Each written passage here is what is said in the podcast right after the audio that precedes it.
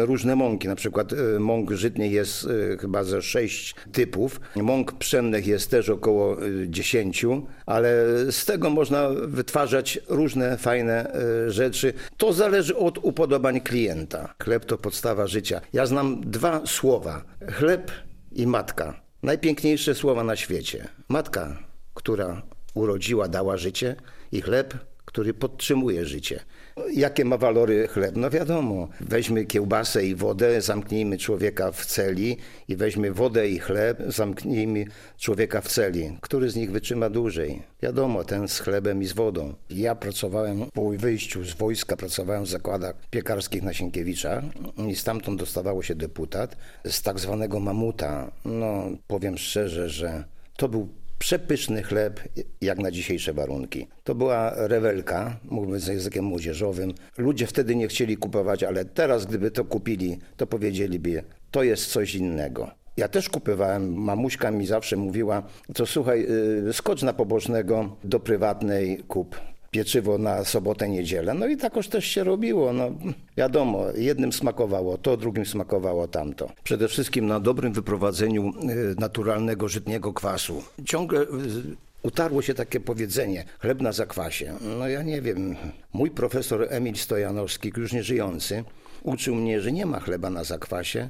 Jest to chleb na naturalnym, żytnim, dobrze ukiszonym kwasie. To jest właściwa forma powiedzenia o, o tym i o jakości chleba.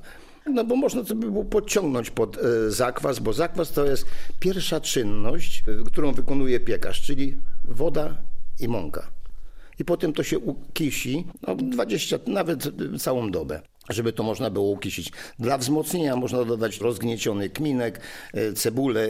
No wiadomo, to nie są ilości zbyt duże, potem one giną w całym procesie produkcji. Ale kiedyś miałem tą przyjemność mówienia zebranym ludziom w kościele, że, żeby spojrzeli na moją rękę.